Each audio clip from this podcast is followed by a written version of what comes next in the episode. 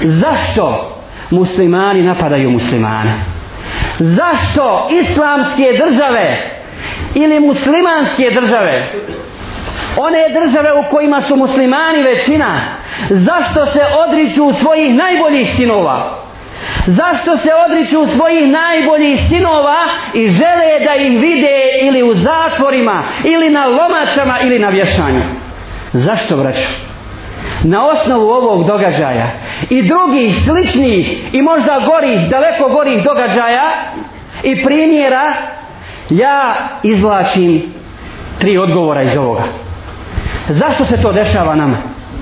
Prvo zato što muslimani ne razumiju islam.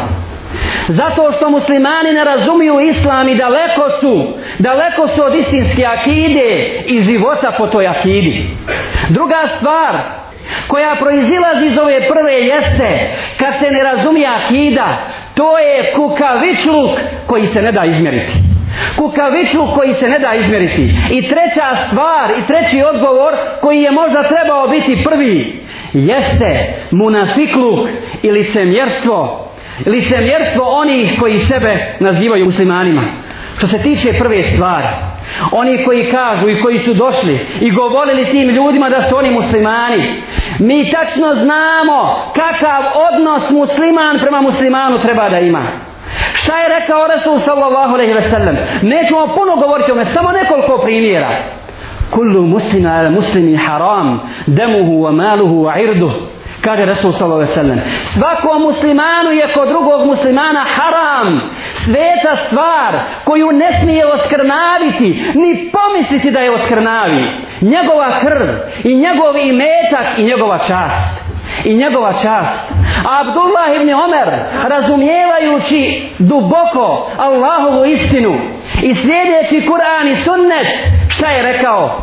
Kada je jednog dana tavafio oko Kabe okrenuo se prema Bejtullahu i kaže zaista je tvoja svetost velika zaista je tvoja svetost velika ali je svetost mu'minske časti kod Allaha veća od tebe ali je svetost mu'minske časti kod Allaha veća od tebe I Allah Đalešanuhu je opisao svoje evlije, opisao istinske sedbenike Islama, one koji se vole u ime Allaha Đalešanuhu kada je rekao Ešiddau alel kufari ruhama u bejlehum. Oni su žestoki prema kome? Prema nevjernicima. Prema nevjernicima su žestoki, a među sobom su samilosni. Među sobom su samilosni. A mi smo svjedoci, braćo, danas. Wallahi, svjedoci smo da su oni koji nose muslimanska imena, kao ovi specijalci, kao ovi vandali, kao ovi razbojnici, strogi prema muslimanima. Strogi prema muslimanima, a merhametli, merhametli zbog svog kukavičluka i zbog udaljenosti od islama prema kjafirima. I ne samo to, nego mrze muslimane. Spletke im prave, uhode ih. Zato pitam, u ime Allaha Đalešanuhu, nadajući se da će kaseta koja bude snimljena doći do tog čovjeka muslimana iz Srebrnice. Pitam tog muslimana iz Srebrnice, zar si zaboravio Srebrnicu? Zar si zaboravio 12.000 ubijenih muslimana? Zar si zaboravio silovane majke muslimanke? Zar si zaboravio ubijenu djecu? Zar si zaboravio zločin nad muslimanima? Zar si zaboravio šta su uradili četnici? Šta su uradili kjafiri? Šta je uradio Ajfor zajedno sa četnicima? Taj isti Ajfor kome ti sada služiš? Kome ti sada služiš i hapsiš muslimane zbog toga? Zar si zaboravio to? Zar se ne bojiš kletve uzbiljene djece? Zar se ne bojiš jetima i njihove kletve? I majki čije su sinove pred njima klali? I majki koje su silovali pred njihovim sinovima? Zar je to islam? Zar je to islam o kojem ti govoriš? I zar je to islamski osjećaj? Jel te tako tvoja majka muslimanka naučila? Jel te tako tvoja majka muslimanka odgojila? Ne vallahi. Ne vallahi. Zar ne osjećaš grižu savjesti? Zar ne osjećaš grižu savjesti? I zar ako je imaš? I zar u tebi neće progovoriti islam i ona fitra muslimanska ako je imaš ako nije potpuno umrla? I zašto ne pokažeš zube? I zašto ne pokažeš hrabrost kad treba braniti prava muslimana? Zašto tada ne pokažeš hrabrost? Zar si došao? Zar si došao ti koji si iz Srebrnice da naoružan do zuba hapsiš muslimane a tvoje muslimane i muslimanke i našu braću i sestre iz Srebrnice istjeruju na ulice i stanova u koje se sada vraćaju oni koji su napravili pokolj u Srebrnici i ti kažeš da si musliman. Ne, nego pri tebi nema ni trunka islamskog osjećaja. Daleko si ti od islama, daleko si ti od islamskog razumijevanja, a kad toga pri tebi nema, onda si izdajica, onda si kukavica, onda si mulj koji nosi bujica, onda si bezlična osoba, bezlična osoba koja nema svoga cilja i nema principa, nema uzvišenih ideala i liči na one za koje Allah Đalešanuhu kaže nahša en tusibana daira. Bojimo se, jesmo mi muslimani, ali se bojimo da nas kakav musibet ne snaže od nevjernika. Da nas kakvo zlo ne pogodi, bojimo se dakle njih. To je taj strah, braćo. To je taj strah koji je ušao u kosti muslimana zato što se ne boje Allaha Đerlešanuhu pa se boje kjafira. I taj strah nije prisutan samo kod ovih policajaca da je samo kod njih to bi bilo odlično.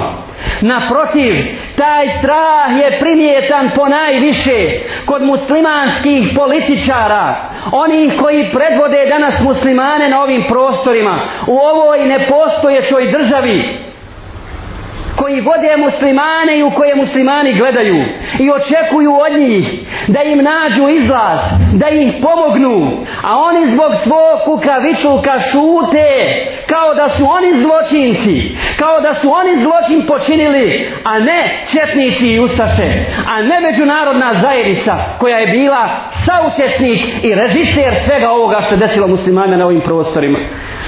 Dakle, šute i zato u takvoj situaciji muslimani moraju da se boje. Umjesto da gledaju s ponosom svoje političare i svoje vođe kad iziđu na televiziju ili kad se jave u bilo koje mediju da govore o muslimanskim pravima, da kažu mašallah, to je naš predstavnik. I da se sigurno osjećaš kad te takav vodi mi se bojimo i živimo u strahu da nas svakog trenutka ne prodaju za šaku dolara. Oni koji nas vode, da nas ne prodaju za jednu pijanku u jednoj noći, za jedno orgijanje i za sitne pare.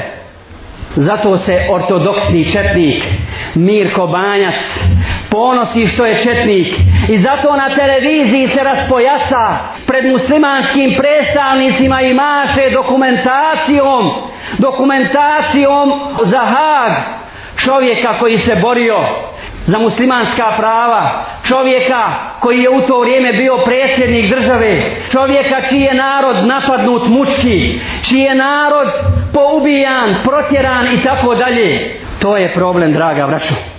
I treća i glavna stvar za koju sam rekao da treba da bude prva, jeste to što među nama, što među nama, među muslimanima ima petokolonaša, ima petokolonaša i munafika, oni koji se druže s muslimanima, s dobrim muslimanima, s njima klanjaju, s njima poste i ti munafici su se danas umnožili poput džuđa i džuđa i prijete da razore islamsko biše iznutra. Dakle, to su ti munafici koji se trebamo pribojavati. I njihov zadatak, njihov zadatak je da napadaju na čast muslimana, da napadaju na čast muslimana i da pljuju po toj časti poput psa, poput psa koji zaloće i zabali čistu vodu, jer je musliman kao takav čist, njegova čast je sveta, I liči takav kad pljuje po toj muslimanskoj časti na psa koji vodu zaloče koja je čista. Poput ovih naših hordi novinara. Hordi novinara koji pljuju po muslimanskoj časti i kojima ništa nije cilj osim da na taj način zarade svoj dunjalučki bakšiš ne bio im halal. Ne bio im halal i ne imali od njega koristi niti bereketa. Zato Allah Đelešanuhu kaže za takve وَكَذَلِكَ جَعَلْنَا لِكُلِّ نَبِيٍ عَدُوًا مِنَ الْمُجْرِمِينَ I mi smo svakom poslaniku određivali neprijatelje. Ko su im bili neprijatelji? muđribi, griješnici, pokvarenjaci, zločinci su bili neprijatelji onima koje oni nazivaju teroristima. I kaže uzvišeni وَالَّذِينَ يُؤْذُونَ الْمُؤْمِنِينَ وَالْمُؤْمِنَاتِ بِغَيْرِ مَكْتَسَبُوا فَكَدْ احْتَمَلُوا بُهْتَانَ وَإِثْمًا مُبِينًا A oni koji vjernike i vjernice vrijeđaju ili osuđuju za ono što nisu krivi, tovare na sebe klevetu i veliki grijeh u tefsiru ovoga ajeta Ibn Kasir kaže to znači to su oni koji im pripisuju ono od čega su oni čisti koji im pripisuju da su uradili i da rade ono što oni ne rade. Zato su pitali Rasula sallallahu alaihi ve sellem u hadisu koje prenosi Aisha radijallahu ta'ala an Ja Rasulallah koja kamata koji vid kamate je najgori? Šta je rekao Rasul sallallahu alaihi ve sellem najgori vid kamate je ohalaliti čast muslimansku. Najgori vid kamate je ohalaliti muslimansku čast, pa je proučio poslanik sallallahu ovaj aj. I oni iznose laži na sljedbenike Rasula sallallahu alejhi ve sellem. A ko su njegovi sljedbenici? Sljedbenici Rasula sallallahu alejhi ve sellem ne pljačkaju, ne otimaju i ne oduzimaju tuđe države silom. Ne napadaju na tuđu čast, ne oduzimaju tuđe imetke, ne ubijaju, ne čine zločin, ne siluju, ne pale, ne čine zinaluk, ne čine razvrat, ne piju alkohol, nego se samo Allaha Đelešanuhu boje. Samo se Allaha boje i bore se da Allahova riječ bude gornja. To su oni koji ne dozvoljavaju da i taguti i zulumčari za nos vodaju kao stoku kako oni hoće. To su oni koji svojim glavama razmišljaju i koji se ne boje nikakvom zulumčaru mako on bio. Bio on kauboj iz Amerike, predsjednik Amerike ili bio jedan vandal iz Rusije ili bio iz Indije ili bio tagut iz takozvanih muslimanskih država. Ne boje se da takvom zalimu kažu o zalim ti si pogrešio ti činiš zulm ostavi sirotinju. Zašto im činiš nasilje? Zašto ih izravljuješ i tako dalje. A oni za uzvrat zovu kako? Ekstremistima teroristima ubicama onima od kojih se treba čuvati a mi molimo Allaha Đalešanuhu da nas učvrsti na istini na Kur'aju na sunnetu. I ako to znači terorizam onda se ja ponosim što sam takav.